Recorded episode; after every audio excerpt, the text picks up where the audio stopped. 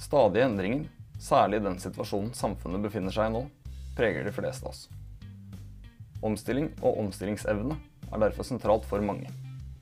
Men hva ligger egentlig i disse nøkkelordene? I denne webinarutgaven av Nittpodden Advokaten og psykologen har jeg spurt Marianne og Lars Asle om nettopp dette. Hva skal til for å lykkes i en omstillingsprosess? Og hvordan preger det organisasjoner, mennesker, ledere og medarbeidere?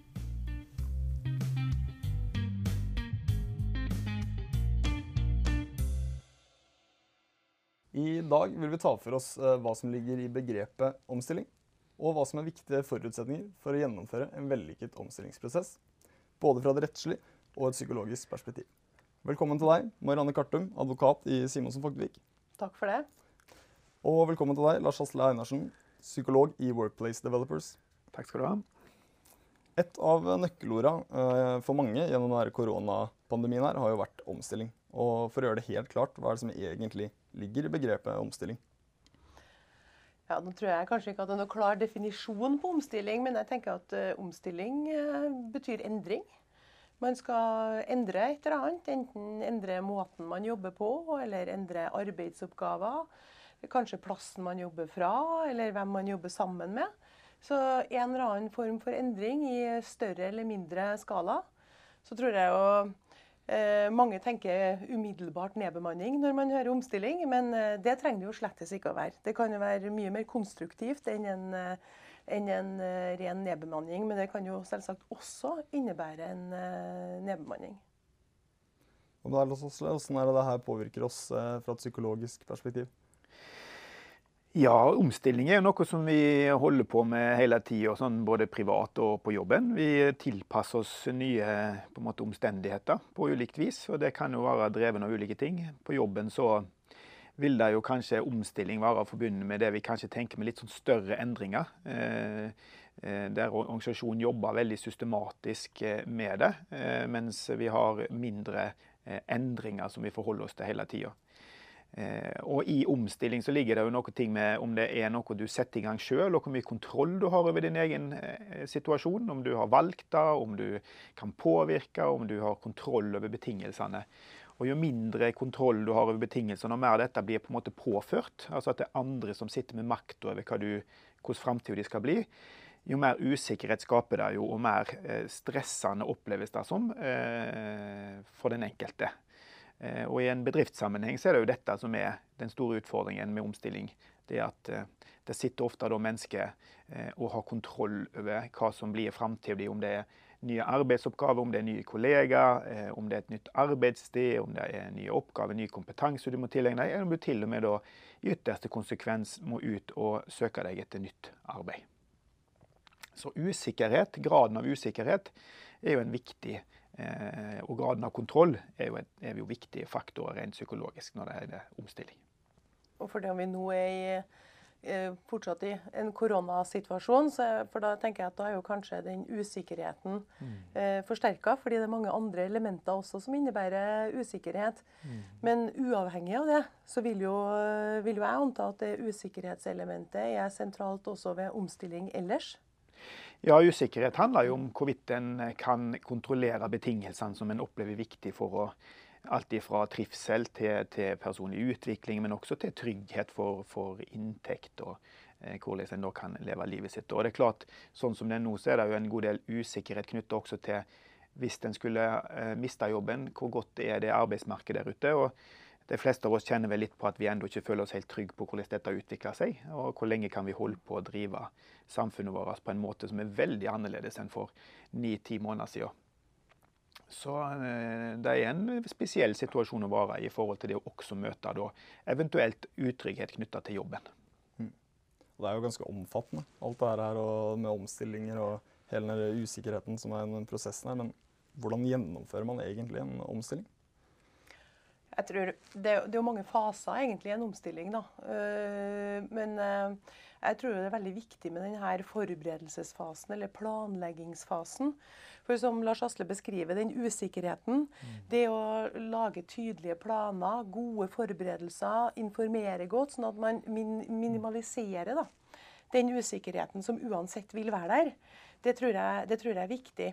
Så når jeg er involvert i sånne prosesser, så er jeg i hvert fall opptatt av at vi bruker en del tid innledningsvis på, på akkurat å lage enten plan for omstillinga, eller man kan lage avtaler med tillitsvalgte rundt omstillinga. Mm. Sånn at vi har en sånn litt felles plattform og en felles forståelse både for hvor er vi, og, og hvor, hvor, skal vi hen. Og, og akkurat å definere, definere, de punktene, hvor man er og hvor man skal, det, det tror jeg ikke man skal undervurdere i en, i en sånn prosess. da. Hva er målet med å gjennomføre omstillinga?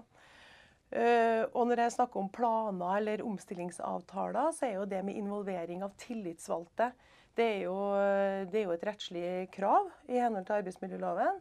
Men det er jo også, og antagelig derfor det er et rettslig krav, veldig fornuftig å få en ansattemedvirkning så tidlig som mulig. Og ha en god dialog og involvering fra tillitsvalgte for å sikre, sikre at man får får belyst alle hensyn, og at man får en eh, god plan som det er mulig å få medarbeiderne til å slutte opp om da, når man kommer over i en gjennomføringsfase.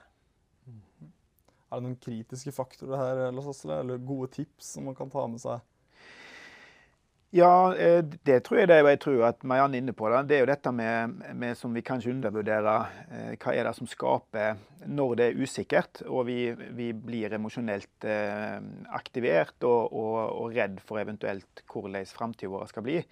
Så er det jo dette med, med det med forutsigbarhet og med muligheten for påvirkning igjen. Sant? Det å ha kontroll på et nivå som, eh, som, er så godt som det lar seg gjøre i en større organisasjon, da, der det er umulig at alle kan få lov til å være med på å diskutere alt direkte. Og Det er jo derfor vi har, vi har det gode samarbeidet mellom, mellom, ansatte gjennom fagforeningssystemet vårt. Det er jo en, det er jo en måte å skape en, eh, en, medvirkning og skape en forutsigbarhet gjennom at vi vet at det er folk som har vårt beste, vår beste interesse eh, som sitt hovedmål, at de er med i prosessen, eh, i tillegg til at arbeidsgiver, i den grad vi har tillit til den, også gjør det. Så jeg er opptatt av det samme som, som, du sier. Jeg tror det er viktig å, å, få på plass en plan som gjør at folk ser hvordan dette skal, eh, hvordan en skal komme gjennom og komme til. Iallfall hvis det er nedbemanning som er der. Hvordan kommer vi til det punktet at vi velger hvem som må gå. Og I psykologien så kan vi si Jussen bygger på dette, men i psykologien så, og i sosialpsykologien og så snakker vi om organizational justice, eller organisatorisk rettferdighet. Eh, og Det er mange dimensjoner. og De snakker om procedural justice, altså fremgangsmåte-rettferdighet. Eh, og Det er jo det som ligger til grunn for mye av, av jussen også. at at vi lager framgangsmåter for hvordan vi skal ta vanskelige beslutninger som vi kan enes om. Eh, og inni der så ligger det jo ofte prinsipper om medvirkning. Da, at en skal få lagt fram saken sin, som det ofte er en nedbemanningssituasjon. sånn at en får samtaler der en får lagt fram Eventuelt hvis en er i risikogrupper, så får en lagt fram sin sak, og en får drøfta med, med, med, med, arbeidsgiver. Og f.eks. lagt fram spesielle behov som arbeidsgiver bør ta hensyn til. Så um, dette med å tenke grundig gjennom og bruke god tid. Og så syns jeg det er én ting som vi kanskje ikke så var tydelig inn på nå, men det er jo også dette med begrunnelse, som folk er veldig opptatt av. Og dette er jo noe ting med hvorfor gjør vi dette egentlig.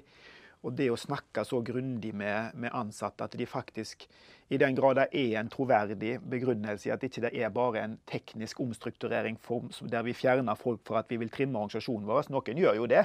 De bruker anledningen for å trimme. De kunne reist videre med den samme ansatte. Og Det er jo det en del ansatte kan komme til å føle på, da, at en føler seg støtt ut og dårlig behandla. Så en kan jo godt ha en god prosess. Men hvis en opplever at begrunnelsen for at en faktisk gjør en nedbemanning, ikke er den som en faktisk formidler at det er, så vil jo folk, uansett hvor rettferdig prosessen er etterpå, så vil de oppfatte, at, eh, vil de oppfatte dette som, en, som et, ikke et overgrep, men iallfall at de blir trampa litt på i prosessen. da.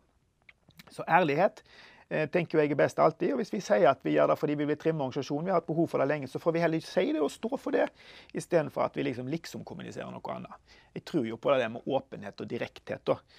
Eh, og så er det vel noe som kan si da, juridisk at har du da et grunnlag for å gjøre nedbemanning. Og har du ikke et grunnlag for å gjøre nedbemanning, så tenker jeg at da, da har du ikke det. da. Men du kan jo velge da, om du vil jukse det til. Så det er også ute med noe med den ordentligheten i begrunnelsen av ting, da, i tillegg til prosessen for å komme til, i dette tilfellet når vi snakker om nedbemanning spesielt. Men som sagt, det er jo andre, det er jo andre typer omstillinger som handler om omstruktureringer, og, at folk får nye oppgaver og, og jobber på andre plasser og må jobbe på andre måter. Og, og, en masse andre ting også som kan være ganske omkostningsfullt. Vi vet jo at overgang til åpent landskap setter i gang ganske mange emosjoner, som da er en endring i, i måte å organisere selve arbeidshverdagen på. For omstilling kan jo Eh, man kommer jo fort inn på nedbemanning når man snakker, snakker, om omstilling. Og det er jo kanskje den eh, omstilling i den yt ytterste formen, da. Men eh, omstilling kan jo være Det kan jo være sånn at man ikke skal gjøre større endringer enn at det ligger innenfor arbeidsgivers styringsrett. Mm. Sånn at arbeidsgiver ja. kan gjennomføre det i utgangspunktet nesten uten involvering. Det er alltid lurt å involvere og ha dialog. Men at det ligger faktisk innenfor den retten arbeidsgiver har da, mm. til å lede, organisere og fordele arbeidet. Eh, men så kan det jo være helt i den andre, andre grensa at du faktisk eh, skal gå til en, eh, til en 100% oppsigelse. Og så har du jo alt imellom der. Du kan gå, gjennomføre endringer som tilsier en endringsoppsigelse. Eller det kan være reduksjoner i stilling. altså Det kan jo være mange, mange varianter. Men det med troverdighet det tror, jeg, det tror, jeg, er veldig viktig. og Det er jo litt derfor man legger opp eh, prosesser som av og til kan synes litt omfattende for, eh, fra et arbeidsgiverståsted. For endringer som kanskje en arbeidsgiver tenker er relativt, relativt små. Men det er noen ting med det å få med alle medarbeiderne både til å forstå da, hvorfor gjør vi det her. Man trenger jo ikke være enig i at det skal gjøres, men man må skjønne hvorfor gjør vi det her, og er det, hva er det vi ønsker å oppnå, oppnå med det. Og da tror jeg at, eh, at når man skal starte prosesser, som vi var innom, i, eh, innom her litt tidligere òg, at man må ha et mål. da. Hvor er det vi skal? Og det å ofte starte med å forankre, i hvert fall i et styre, hva er, det, hva er det som er formålet med å gjøre den endringa vi skal gjøre nå? Mm. Og, og, det må jo kommuniseres ut tidlig til, de, tidlig til de ansatte. Og når vi er inne på det med ansatte-medvirkning, så er det mange som automatisk tenker på tillitsmannsapparatet og på organisasjonsretten og organisasjonssida vår. Nå er det sånn at det stilles også krav til ansatte-medvirkning for virksomheter som ikke er tariffbundet. Og Da må de ansatte gå sammen og velge seg ut en eller to tillitspersoner som skal representere dem i prosessen. Og Det er jo for å sikre at de, at de spiller inn, og at man får drøfta alle de ulike punktene som vil komme, komme, gjennom prosessen.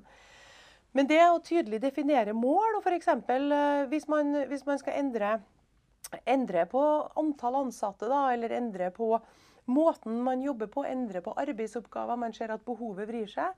Så det å gå inn for og gjøre en, et stykke arbeid for å definere fremtidig kompetansebehov, mm. det tror jeg er viktig i eh, nesten alle omstillingsprosesser. Hva er det vi kommer til å ha behov for av kompetanse fremover? Hvilke utfordringer er det som vil møte oss? Gå inn og ha en klar, overordna uh, vurdering av det, som på en måte blir litt styrende for prosessen uh, videre. For det kan du jo si at det styrer jo Det, styrer jo, det gir jo målet litt, da. Hvor skal vi hen? Og så kan du jo også da styre hva, hvilke kriterier skal vi velge ut på. Hvem skal vi endre på? Hvilken kompetanse trenger vi? Hvilken kompetanse trenger vi ikke? Så um, det er i hvert fall et tips fra min del. God tid i planleggingsprosessen, og bruk tid på å definere uh, fremtidig, det behovet du har fremtidig, og det er typisk kompetansebehovet. Mm. Og for her med, Vi har prata om det mye i, i podkasten vår også. Hjemmekontor jo, er jo en omstilling som, altså både for organisasjonene, men, men også for menneskene sjøl. Eh, hvordan på en måte skal man kunne planlegge rundt det nå videre? Altså, er, har du noen konkrete tips for det? For det var jo veldig vanskelig å planlegge før det her starta. Men eh, nå er vi jo godt inne i det. da. Er det noe spesielt man bør tenke på da? Nei, det, det, er jo litt interessant nå, fordi at på en del arbeidsplasser så har en jo gradvis tatt eh, folk og åpna for at en kan komme tilbake på kontoret. På noen plasser som jeg er nå, så, så tenker jeg at en har problemer med å få en del folk tilbake på kontoret. Mm. Eh, og det er jo delvis fordi folk opplever at en får gjort en del arbeid hjemme som en ikke får gjort. Det er praktisk i forhold til familiesituasjonen eh, osv. Så, videre. eh, så noen arbeidsgivere opplever at det er problematisk å få de tilbake fra den situasjonen. da. Eh, andre plasser så er en jo sliten av å sitte hjemme, eh, og en begynner å få slitasje og ønsker å komme på kontoret, og så har en kanskje ikke så gode kontorbetingelser for å skape de avstand som det er en trenger fremdeles for de tiltakene som, som en skal ivareta.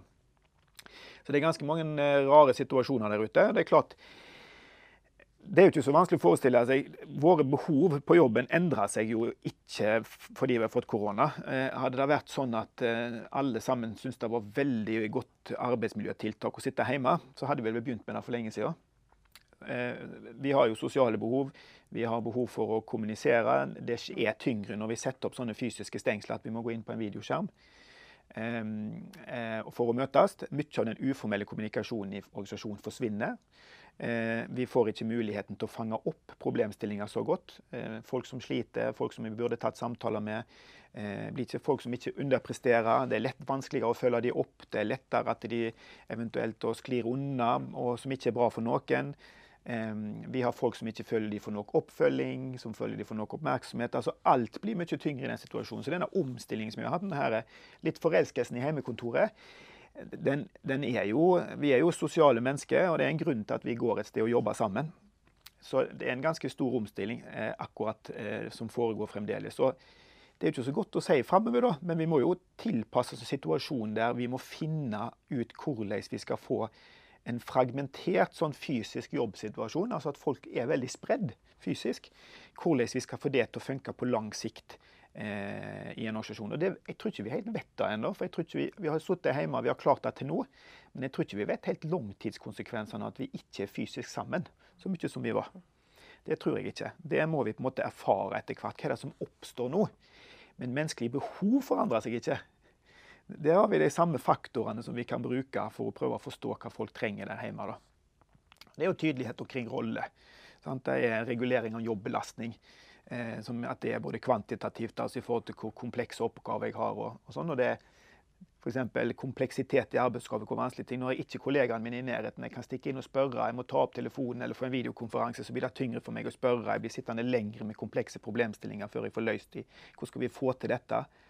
Eh, vi ser ikke når folk overarbeider på samme måten. Så når Marianne skal regulere arbeidsbelastningen til folk, så ser hun ikke hvor mange timer de sitter. Sant? Hun ser ikke at de ikke har skrudd av lyset og gått inn fra kontoret. Så hvordan skal hun få informasjon om hvor mye folk jobber? Ehm, eh, overtidsbruk, eh, faktisk overtidsbruk. Eh, vi har medbestemmelse. altså Hvordan skal vi sikre at folk får vært med når vi kanskje har samtaler med én og én på videokonferanse? Vi kan ikke lage møte på alt. Eh, mange, er samme faktoren som vi har hatt sosiale behov for å prate. Sant? Bare det å være menneske på jobben. Altså, vi merker jo på videokonferanser som vi har, at det er noe som forsvinner. Sant? Kjøtt og blod Det er en grunn til at vi søker sammen og ser film på kino istedenfor å sitte hjemme og se det på hver sin skjerm. Um, hvordan skal vi klare å få, få, få ordnet opp i det, da, når vi fremdeles etter fire måneder så er det en god del som sitter hjemme? Og, og, ikke alle heller kjenner sitt eget beste. Altså De blir sittende hjemme når de kanskje burde vært de som kom på jobb.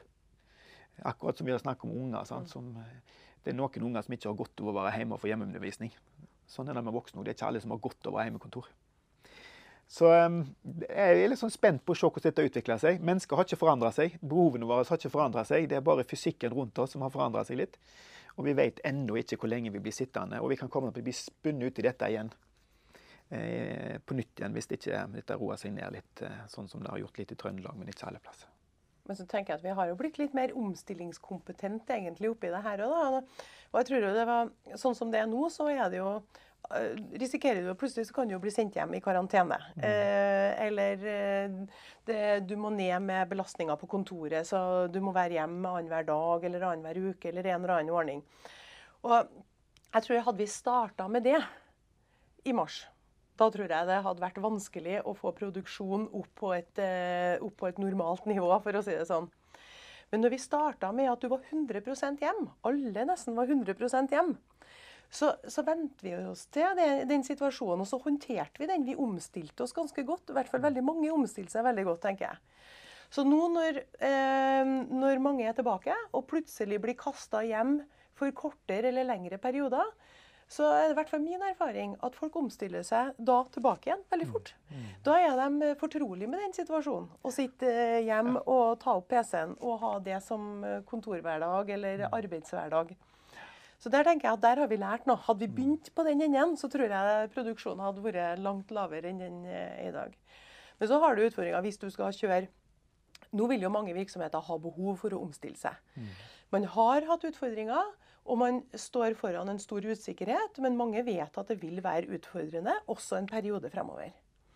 Og Da har de behov for å omstille, og det er jo viktig å ta tak i det i tide, og ikke sitte for lenge og vente før du, før du begynner. Mm. Kanskje kan du da berge med å omstille litt mindre enn om du venter, venter for lenge. Og Hvis du da skal omstille med folk til dels hjemme, øh, reduserte folk på kontoret, da har du også mindre medvirkningsmulighet rent faktisk. Det er ikke sånn at du går rundt og prater i mm. gangene i, i pausene om ting og får, får, fordøyd ting. Så tenker jeg, Det er jo litt ditt tema, da, Lars Astad. Det, det, tenker jeg at det er en ekstra, ekstra utfordring i en omstillingsprosess nå. Fordi mange er ikke like tett på. Nei, Det er ikke tvil om at hjemmekontorsituasjonen gjør jo at vi får dårligere betingelser for å kommunisere. Eh, og i usikre situasjoner. Vi vet jo når vi omstiller generelt at der det ikke er informasjon, der skapes det informasjon. Sånn at Informasjonsbehovet i, generelt i omstillingsprosesser er stort, og folk søker sammen og forsøker å skape forutsigbarhet ved å snakke sammen. Og Da oppstår det jo mange historier som ofte ledere må ut og avkrefte. Sånn, fordi at folk, eh, Det er som å se liksom, hver, hver, tegn. Vi forsøker å skape en forutsigbarhet i en situasjon der vi ikke helt vet hvordan framtida kommer til å bli. da. Men det er klart, eh, det er jo to ting som skjer. Det ene er at eh, når folk sitter på hjemmekontor, så, så vil jo ikke leder få muligheten til kanskje fange opp de historiene. For de foregår mer Hvis folk snakker sammen, så snakker de sammen på videokonferanser. Og leder hører ikke, fanger ikke opp. Eh, men folk får heller kanskje ikke muligheten til så mye å sjekke ut, sånn at de blir sittende mer alene med usikkerheten sin i perioder når de skal omstille noe. Så det er et poeng tror jeg, med det som å være tidlig ute. Hvis du skal kjøre gode prosesser, så må du ha tid. Mm. Og det er klart Hvis du venter helt til det liksom er, er, er helt du avgjørende at noen bare må du, så har du ikke den tida. Og da må du kjøre fort. Eh, og Det er jo sånn som å rive plasteret av. Sant? Det, det river og er veldig smertefullt. Noen vil jo si at det er bedre enn det, enn å sitte liksom og, og, ha det vondt over lang tid, og, og så plutselig så ble det ikke likevel, fordi at det ble ikke så galt som vi trodde. Men skal du kjøre gode prosesser, så er det noe ting må iallfall sette seg opp. da. Eh, og så får en heller leve litt med litt usikkerhet en lang periode enn på en måte, på en måte få revet av. For det kan være ganske vondt det å gå inn i ei krise. Liksom, at eh, vi må liksom gå fra den ene tilstanden av trygghet til fullstendig utrygghet på veldig kort tid. da. Og Det er jo noe for omdømmet for bedriften òg. At, at det vil jo da også når folk får veldig vondt veldig fort, så vil de også bli mer skeptiske til beveggrunnene for å gjøre endringer. Sant? Altså Vi vil forklare smerten vår med feil som arbeidsgiver gjør, osv. Så, eh, så det er jo en sånn fin balansegang der med å ikke liksom eh, planlegge på en måte begravelsen din når du ikke er på vei til, til å bli syk nok. Eh, og det å være forberedt på at realitetene er at det kan komme endringer som vi må ha tid til å møte. da. Så eh, dette er en sånn fin balansegang med timing tenker jeg, for å gjøre dette humant. Eh, ikke begynne for tidlig skape uro der det er ikke nødvendig, og heller ikke vente for lenge. Da. Og Det er jo noe ting en kan diskutere med tillitsvalgte òg, at en er med hele veien. Mm. Og da tenker jeg at det, jo, det, er jo en forskjell med medvirkning hvis en sitter som en ledelse og styrer og bestemmer en masse, og så, skal, så tar en liksom inn tillitsvalgte så de får være med liksom på å drøfte på et visst tidspunkt. da. Men det er klart, jo mer vi har tillitsvalgte med oss jo tidligere i prosessen, jo, jo, eh, mer tillit vil de også ha til vurderingene som ligger til grunn. Så det kan jo være litt ubehagelig å, å trekke inn ansatte kanskje noen kan føle tidlig i prosessen når en sjøl ikke er sikker som leder og som, kanskje som eiere. Men, men, samtidig så vil en jo da ha mindre tillit når folk blir kobla på senere ute i prosessen. Da. Så det å lage framtidsbildene og se hvor er vi på vei, sånn at alle skjønner at vi ser samme virkeligheten. da. Eh, det er lettere å gjøre det når vi får begynnelsen, eller at vi skal overta et bilde om en framtidig krisesituasjon som noen andre har skapt eh, for oss, der vi da ikke har fått vært med og sett at jo, det er sannsynligvis sånn det kommer til å bli. Da. Så dette med eh, tidlig inn, dette med hvordan vi kan håndtere hvis vi har hjemmekontorsituasjon, at den usikkerheten oppstår, og hvordan vi kan da klare å skape medvirkning, eh, en bit. Og det andre er å fylle informasjonsgapet eh, som oppstår i alle omstillingsprosesser. Folks behov for å skape forutsigbarhet. For det, det, du er inne på med tillitsvalgte, det at tillitsvalgte ikke bare skal være en sånn sjekk eh, på, i prosessen, men det de beste omstillingsprosessene de skjer når du har et godt samarbeid med, med tillitsmannsapparatet eller en god eh, ansatte-medvirkning og involvering. Og det, det med tidselementet det tenker jeg at det er ganske interessant. fordi uh, en ting er jo hvor tidlig du starter selve eh, om, eh, den omstillinga du skal gjennom. Hvor tidlig tar du den ballen og begynner å, begynner å drodle rundt den. Og den fasen, da tror jeg eh, det å være tidlig ut, det er kun positivt. Og det å drodle over det en periode og bruke tid på det, som, som Lars Asle er inne på, for å få en god prosess og for å planlegge her, det her ordentlig, det, det er veldig viktig. Men fra den, det tidspunktet du informerer mm. i eh, virksomheten om at nå er det beslutta, vi skal inn i en omstilling, så eh, er, har tidselementet en eh, litt annen dimensjon. Mm. Fordi på den ene sida så skal ikke du gjøre det så fort at de ansatte ikke får tillit til at du gjør en skikkelig prosess. Og du er nødt til å ta deg tid til de trinnene du skal gjøre eh, underveis. Men samtidig så skaper det veldig stor uro i organisasjonen.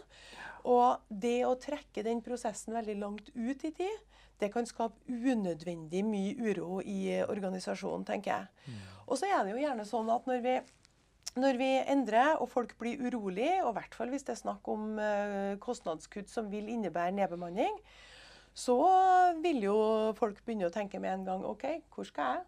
Uh, hva er min plass uh, i det her? Og det er det jo ikke mulig å svare på i utgangspunktet tidlig i prosessen. Mm. Fordi hvis man kjører prosessen godt, så, eh, så, må man jo ta alt det her på, på riktig trinn. Og da oppstår jo eh, spørsmålet da, om hva, hva, hva, gjør folk da? Begynner folk å søke seg bort? Mm. Får man, eh, får man eh, utfordringer pga. at man mister kompetanse som man er helt avhengig av å ha? Eh, og det må man jo ta med seg også i forhold til det her med tids, eh, tidselementet. Mm. Sånn at man eh, ja, har tilstrekkelig med tid, men allikevel god fremdrift. da. Mm. Ja, for det her med, med de her nøkkelpersonene, med den her kompetansen som man er mm. veldig avhengig av. Hvordan er det man kan sikre at man ivaretar og beholder disse menneskene egentlig gjennom denne omstillinga? Det, det, er jo et ganske krevende spørsmål. For du, du kan jo si um, uh, det, Idet man informerer om at man skal omstille, så kan man ikke gå uh, inn på kontoret til 20% av de ansatte og si at du blir ikke berørt, eller vi tar vare på deg. Uh, og noen, noen, gjør kanskje det, men i utgangspunktet så er jo ikke, er jo ikke det kurant. Samtidig da, så har man jo av og til et behov for å si at enkelte områder skal ikke vi endre på. Mm. Eh, enkelte stillinger vil ikke bli berørt. Men uh, det er klart at det er en utfordring. og Snakker man nedbemanning, så snakker man jo stillinger og ikke personer. Du kan jo, du kan jo bli flytta rundt. så det, det, er en, eh, det, er en, veldig stor utfordring å, å klare å ivareta nøkkelpersonell.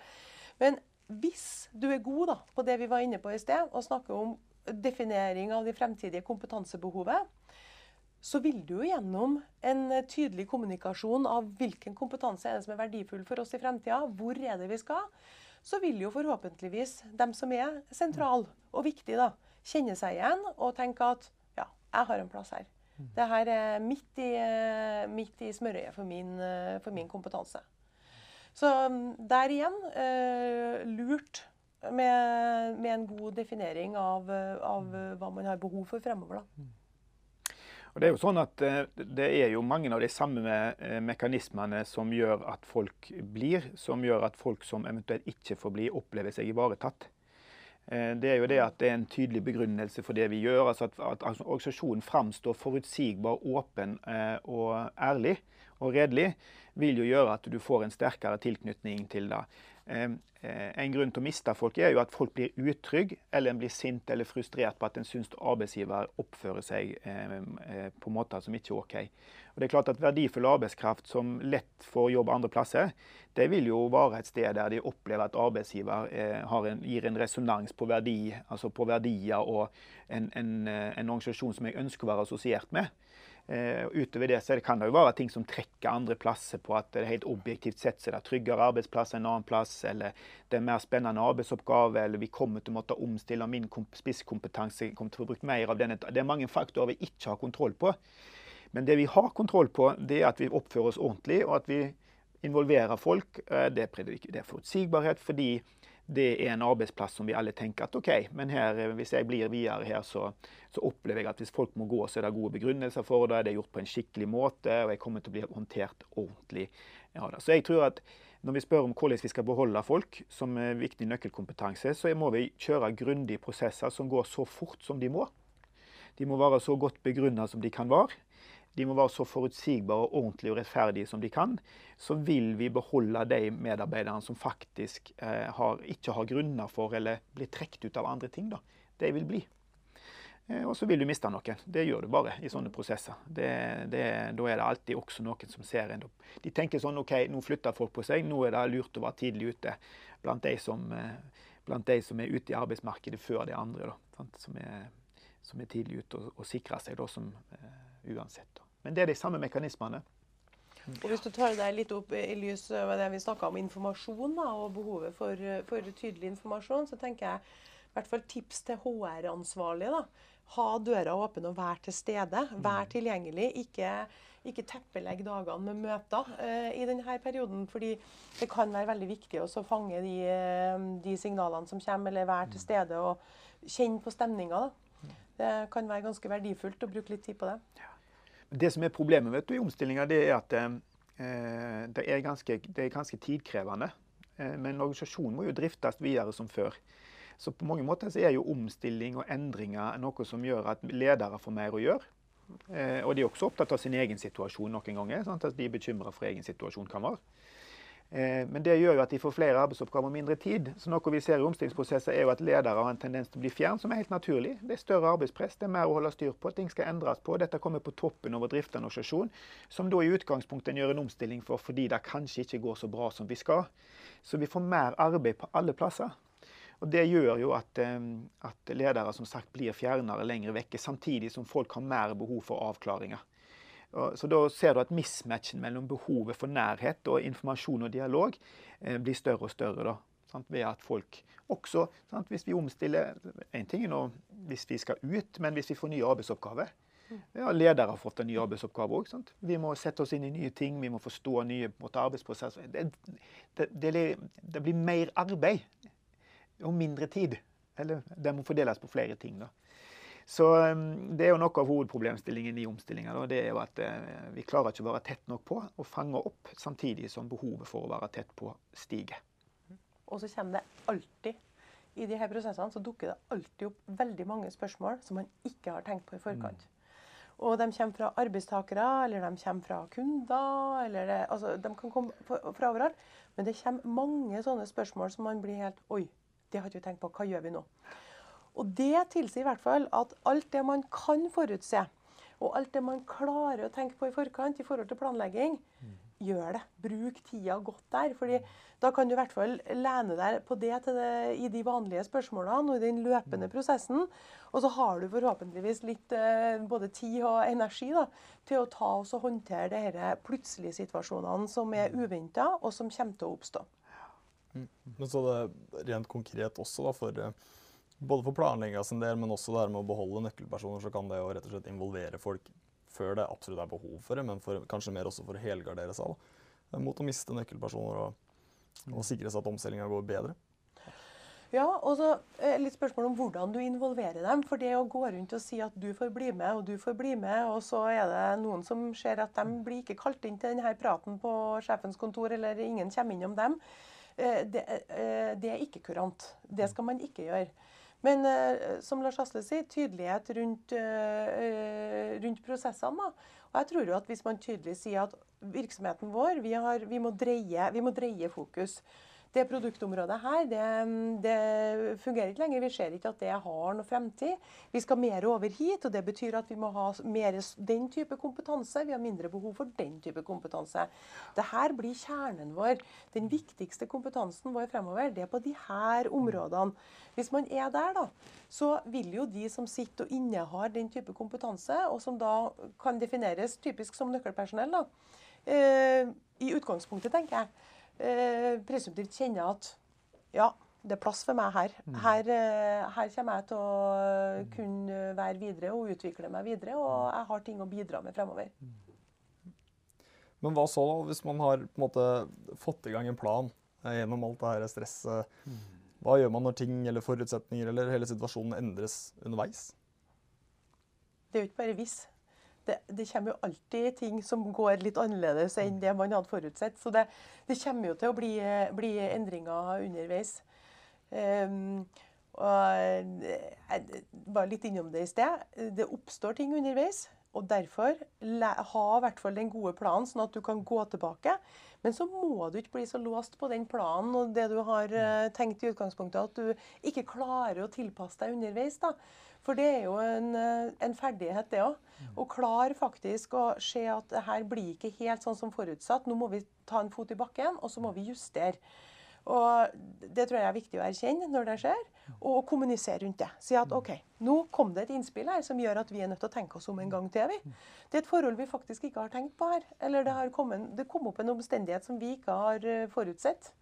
Og det å tørre å ta en fot i bakken eller et steg tilbake, eh, det tror jeg er veldig viktig. For hvis du da bare kjører gjennom uten å hensynta det her, så du, eh, risikerer du i hvert fall å få en veldig dårlig prosess. da. Ja, det går jo an til plan. Hvis du legger en ordentlig plan som går over lang tid, med hvilke møter du skal ha, i hvilken rekkefølge for å få, for å få um, gjort alle vurderingene, tatt alle beslutningene, og gjort analysene dine, så kan du til og med legge inn i prosessen møtet som sier at eh, på dette møtet så skal vi spørre oss nå, har forutsetningene for det vi har gjort så langt endra seg? Mm. Så Hvis en har det som en fast punkt og inne på med gitte mellomrom, for å se har det forandra seg, er det vi nå tenkte i starten riktig vi, mens vi holder på å analysere oss gjennom? Sant? Det er jo klassisk. Vi analyserer situasjonen. Sant? Hvor står vi hen? Hva er markedssituasjonen? Hva kommer til å skje framover i tid? Litt scenariotenkning. Og så når vi har gjort den jobben, så begynner vi å planlegge ok, hva må vi da gjøre for å komme dit vi skal. Så da kan du se at Innimellom der så kan det endre seg at den analysen vi gjorde, det er ofte veldig kvalitativt. Det er jo ikke presist det vi gjør det er jo sjeldne veldig objektive. Det er jo det som gjør det så vanskelig. Mm. Sånn at Hvis dette da strekker seg over flere måneder, så kan jeg rett og slett legge inn møter som har sånn at det er et eksplisitt diskusjon. Sånn at en er sikker på at en får kvalitetssikra om betingelsene endrer seg, om det er noe vi skal gå tilbake og, eh, og justere på. det. Jeg syns det er et kjempepoeng, og ikke bare hvis det over flere, går over flere nei. måneder, men egentlig kanskje like gjerne hvis det går fort. For ja, da, da er det kanskje enklere å bare si nei, vi kjører på. Mm. Men uh, ha, det, jeg syns det var en veldig god idé å ha mm. det som en sånn fast punkt i, i, prosessen. Er vi der vi tenkte vi skulle være akkurat nå? Mm. Og så Et siste spørsmål.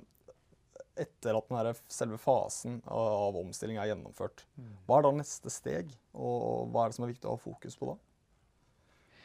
Det er jo sånn at Når du har gjort en omstilling, så kan du spørre deg når har du gjort en omstilling. Noen vil jo si da at når vi liksom har, hvis det er en omorganisering, når vi har liksom fått lederne på plass og eh, ansatte på riktig plass, og sånne ting, så har vi jo en ganske lang fase etterpå der folk vil jobbe med å etablere en forståelse for rollene som de har. Altså hva ansvar og mm. oppgave har jeg, og hva betyr dette i praksis? Vi har grenseoppganger mellom hverandre sant, som skal gå på at vi skal skjønne hvor, hvor står du hen og din forståelse. Altså Vi setter jo på mange måter i en situasjon der vi omorganiserer, da, så setter vi jo folk i en ny organisasjon. og Det vil jo ta tid, det må du jobbe med lenge. Og Da er det jo ofte sånn når vi er omorganisert at som du sier, det oppstår problemer hele veien. Alle organiseringer har sine utfordringer, så vi må ha ganske mye fokus med å sikre at og at folk forstår han, at han setter seg i betydningen forståelse, vi får etablert prosesser og tydelighet omkring ting. Eh, og så er det å justere på ting. Det er jo, som du sier, ja, Vi må justere hvis forutsetningene endrer seg. Men de fleste måtene å organisere på har jo ulemper. Det er jo derfor vi med jevne mellom ofte også omorganiserer, fordi vi blir slitne av ulempene.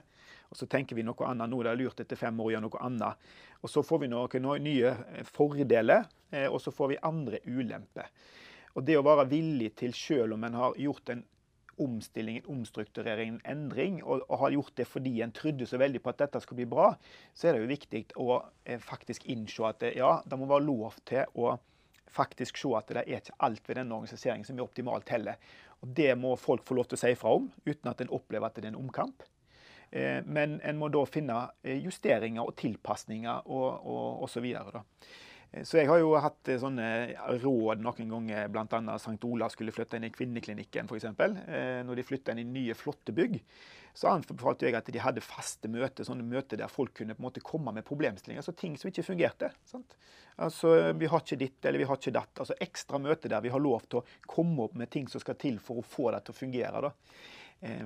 For det å strukturere den på en måte dialogen om alt frustrasjon som kan oppstå mens vi tilpasser oss en ny arbeidssituasjon, det er helt naturlig at det skaper frustrasjon. og Hvis vi på en måte bare skal se at ja, nå må du være positiv, eller nå må du liksom gjøre det beste ut av det finne løsninger, så er jo det litt um, urealistisk, spør du meg. For folk blir noe frustrert. da. Og Du kan jo velge å be de fortrenge den frustrasjonen, eller kan, du kan på en måte finne arenaer der de tar den ut, og der du behandler den eh, naturlige frustrasjonen som oppstår når vi prøver å få til nye ting, på en åpen og konstruktiv måte. da.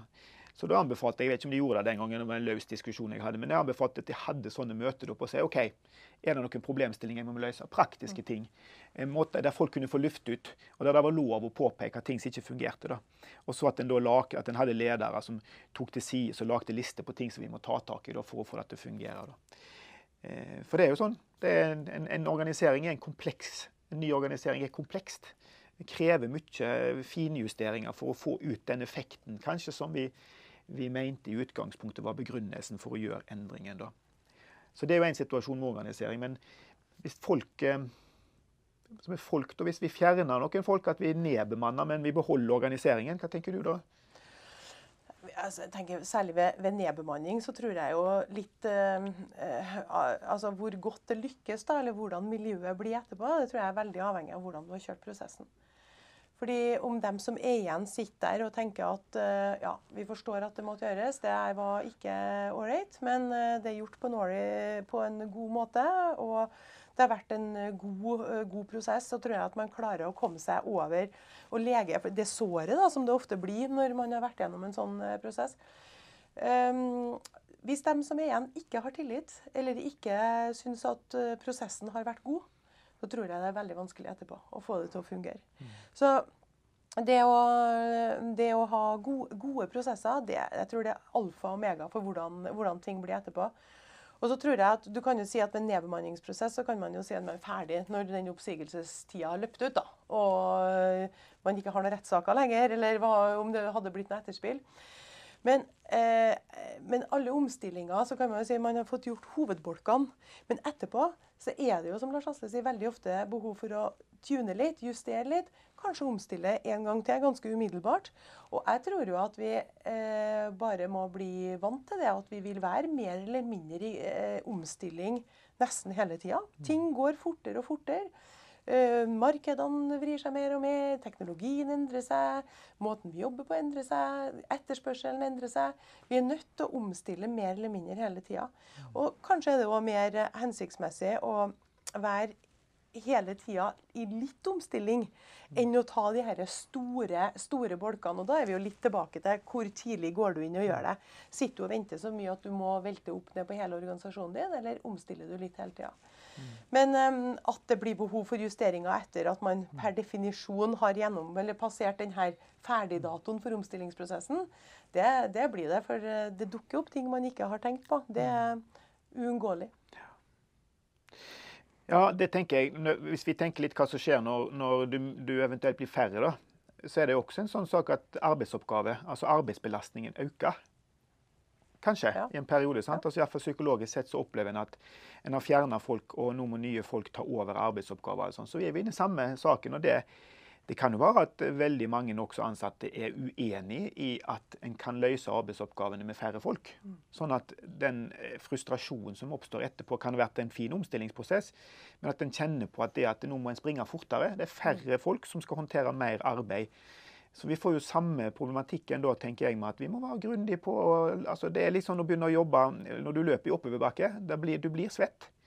Eh, og, og, du blir sliten på et tidspunkt. Eh, og det er klart, når, når, du fjerner folk, så blir i sånn overført betydning, da blir en litt brattere bakke å springe i.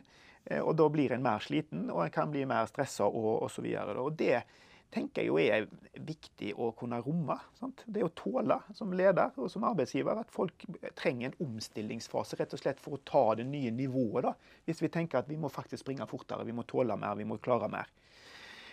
Eh, Så det gjelder jo når vi skal gjøre nye ting òg. Det tar tid å tilegne seg kompetanse. og alt. Vi må tåle at folk syns at det blir masete eh, eh, og slitsomt. Og vi må tilrettelegge for at folk kan få ventilere det på skikkelig vis uten at vi signaliserer at det er så veldig problematisk. For da, da tror jeg bare at sånne ting bare blir enda tyngre. Da. Vi må tåle litt. Vi må tåle at eh, det er vi er på ski med ungene. vet du. Hvis vi vil at de skal gå langt, så må vi tåle at de sutrer og klager litt, for de må opparbeide seg kompetanse. Eh, og de må opparbeide seg toleranse og kondisjon. Eh, så det velger du å utsette folk for store belastninger, så må du tåle at de faktisk syns det er slitsomt å klage seg litt. Tror jeg rett og slett bare rommer. Men da tror jeg jo ditt tips med å det forslaget du sa du hadde med å ha en arena for å komme med den klaginga, da, kan være bra. Istedenfor at man risikerer at den klaginga skjer Overalt. overalt hele tida. Fordi det kan fort bli en kultur av det. da. Så da er det kanskje viktig å gi en tydelig arena for at Og Det er jo det som skjer hvis du ikke, hvis du ikke tåler det. og Når det likevel er der, så forsvinner det jo ikke. Det bare popper ut på plasser der du ikke kan være med på å vise at du tåler det, som er en veldig positiv ting. Eh, Og heller ikke være med å foredle all den informasjonen som kommer gjennom det. For det er masse informasjon i klaging. Som en kan si at det, er slitsomt for ledere også, som veldig ofte er sliten etter endringer sjøl. Det er mye på det òg. Så skal vi tåle kanskje andres frustrasjon enda mer. Så det er jo sånn når jeg gikk på ski sant, og var kjempesliten, og så hadde jeg unger som var sliten. Og så Jeg klarte ikke å ta imot eh, klaginga deres, for jeg hadde nok med å håndtere min egen sutring innvendig. Eh, og Sånn er det med ledere òg. Ledere er jo bare mennesker som alle oss andre. og de, I en omstilling så er det ofte de som kanskje sliter mest av alle. Har jobba knallhardt med det. Og så må du da romme også andres misnøye da, og, og masse emosjoner. Folk som er redd, folk som er, som er sliten, folk som er lei seg, og folk som er sinte. Det er veldig spennende. Det er jo mange løsninger også på alle disse utfordringene her. Mm. Men eh, tusen takk til dere, Marianne og Lars Asle, for at dere kom og diskuterte omstilling her i mitt studio.